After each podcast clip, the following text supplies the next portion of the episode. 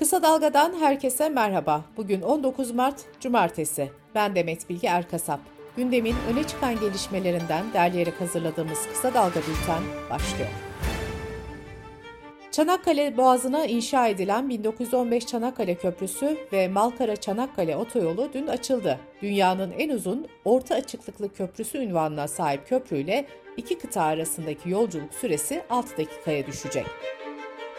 Açılışta konuşan Cumhurbaşkanı Erdoğan, 1915 Çanakkale Köprüsü'nü ecdada ithaf ediyoruz dedi. Köprüden otomobille geçiş ücretinin 200 lira olduğunu söyleyen Erdoğan, bir hafta ücretsiz ondan sonra 200 lira. Yüklenici firmanın buradan aldığı para aylık, yıllık onun aleyhinde ise onu devletin kasasından biz ödeyeceğiz dedi. Erdoğan, köprünün 2 milyar 545 milyon euro yatırım tutarıyla 4 yıl gibi rekor bir zamanda tamamlandığını belirterek, tasarruf tutarı da yıllık olarak 415 milyon euroya ulaşacak diye konuştu. Koreli Dailim, SK, Limak ve Yapı Merkezi'nden oluşan ortak girişim grubuyla 2017'de 10.3 milyar lira yatırım bedeli karşılığında sözleşmesi imzalanan köprüyü, yüklenici firma 11 yıl işlettikten sonra Karayolları Genel Müdürlüğü'ne devredecek. Deutsche Welle Türkçe'den Eray Görgül'ün haberine göre sözleşme kapsamında yüklenici firmaya araç başına 15 euro artı KDV olmak üzere günlük 45 bin araç geçişi taahhüt edildi. Habere göre kamunun işletmeciye ödemeyi garanti ettiği tutarın yıllık maliyeti ise 246 milyon euroyu aşıyor.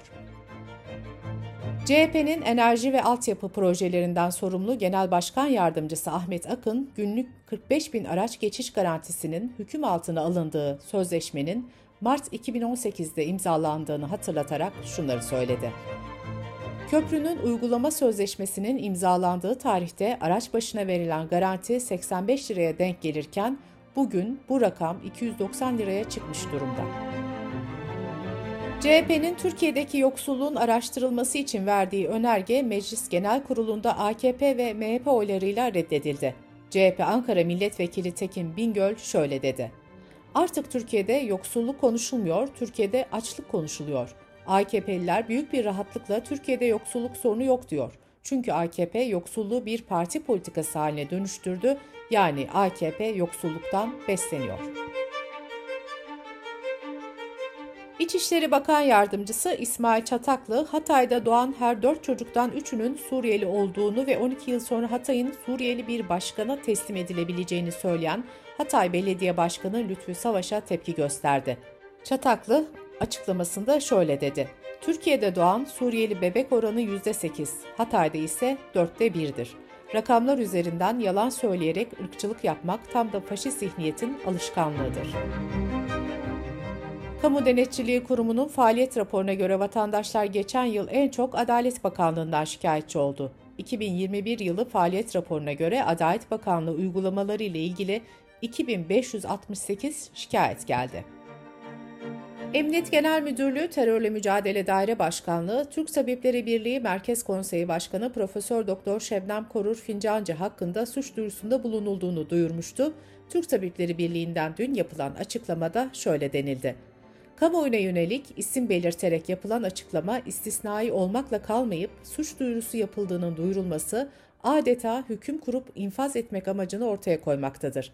Bu açıklamadan kaynaklı tüm hak ihlallerinin giderilmesi için gereken her türlü adım atılacaktır. Anayasa Mahkemesi'nden memurların örgütlenme ve partilere üye olabilme hakkına ilişkin önemli bir karar çıktı. Anayasa Mahkemesi öğretmen Ali Kuş'un siyasi parti üyeliği nedeniyle ihracını oy çokluğuyla örgütlenme özgürlüğünün ihlali saydı. AYM kararında şu ifadeler kullanıldı başvurucunun yalnızca bir siyasi partiye üye olması nedeniyle doğrudan memuriyetten çıkarılması son çare prensibine uymayan en ağır müdahale olmuştur. Öğretmen Ali Kuş, ÖDP'ye üye olduğu için memuriyetten ihraç edilmiş ve AYM'ye başvurmuştu.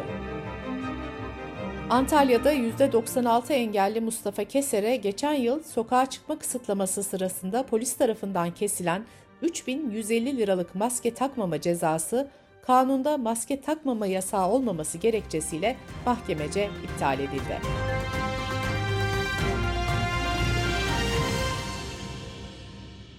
Dış politika ve dünyadan gelişmelerle devam ediyoruz. Rusya'nın Ukrayna'ya yönelik saldırıları 23. gününde devam etti. Ülkenin batısındaki Lviv kentinin belediye başkanı Telegram kanalından yaptığı açıklamada havalimanı yakınlarındaki uçak bakım işlemlerinin yapıldığı binaya füze saldırısı gerçekleştirildiğini belirtti. Polonya sınırına yaklaşık 80 kilometre uzaklıktaki Lviv bugüne kadar Rusya'nın saldırılarından pek etkilenmemişti. Kentte ülkenin doğusundaki çatışmalardan kaçan çok sayıda Ukraynalı bulunuyor. Ukrayna Savunma Bakanlığı Facebook'taki günlük güncellemesinde çatışmaların başlangıcından bu yana 14.200 Rus askerinin öldürüldüğünü açıkladı. Ukrayna Devlet Başkanı Zelenski ise Rus birliklerinin girmeye çalıştığı her bölgenin Ukrayna'nın kontrolü altında olduğunu söyledi. Cumhurbaşkanı Erdoğan ve Rusya Devlet Başkanı Putin'in telefon görüşmesi yaptığı açıklanmıştı. BBC'nin haberine göre Putin görüşmede Ukrayna'nın doğusundaki ayrılıkçı bölgelerinde Kırım gibi Rusya'ya katılmasını istedi. Putin, Zelenski ile yüz yüze görüşebileceğini de ifade etti. BBC'den John Simpson'a konuşan Cumhurbaşkanlığı sözcüsü İbrahim Kalın, Putin'in bazı taleplerinin üzerinde anlaşılabilir nitelikte olduğunu aktardı. Bunlar arasında Ukrayna'nın tarafsızlığını garanti etmesi, NATO'ya üye olmayacağını açıklaması gibi daha önce getirilen talepler bulunuyor.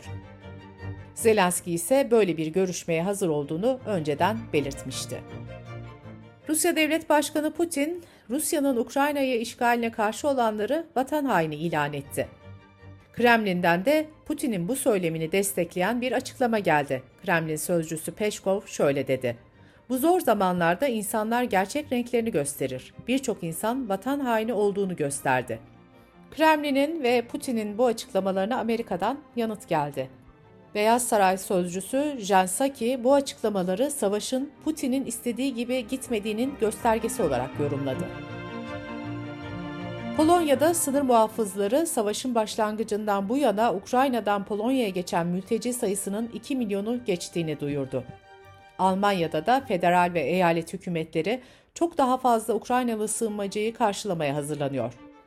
16 eyaletin başbakanı ile bir araya gelen Almanya Başbakanı Scholz yaptığı açıklamada bunun bizim için çok büyük bir ödev olacağını biliyoruz ifadesini kullandı.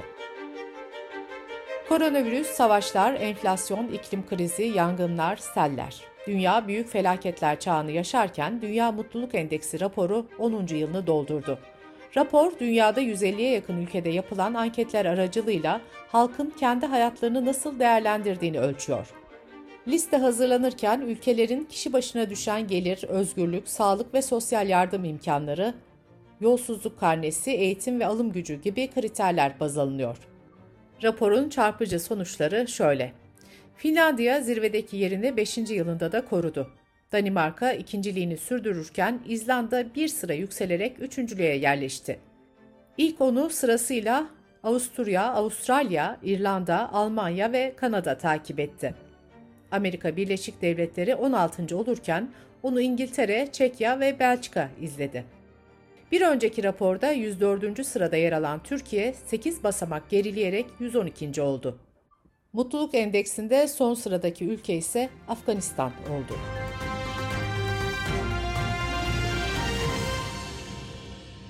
Sırada ekonomi haberleri var. Akaryakıt zamlarını kamuoyuna duyuran Enerji Petrol Gaz İstasyonları Sendikası Başkanı Fesih Aktaş hakkında fiyatları etkileme suçlamasıyla 3 aydan 2 yıla kadar hapis sistemiyle dava açıldı. Dava Enerji Piyasası Düzenleme Kurumu'nun suç duyurusu üzerine açıldı. Yurt dışına çıkış harçlarına zam yapıldı. Zamma ilişkin Cumhurbaşkanı kararı resmi gazetenin dünkü sayısında yayımlandı. Buna göre yurt dışına çıkanlardan alınan harç miktarı 50 liradan 150 liraya yükseltildi. Türkiye Odalar ve Borsalar Birliği'nin verilerine göre kurulan şirket sayısı Şubat ayında bir önceki aya göre %13.6, kurulan gerçek kişi ticari işletme sayısı da %6.8 oranında azaldı.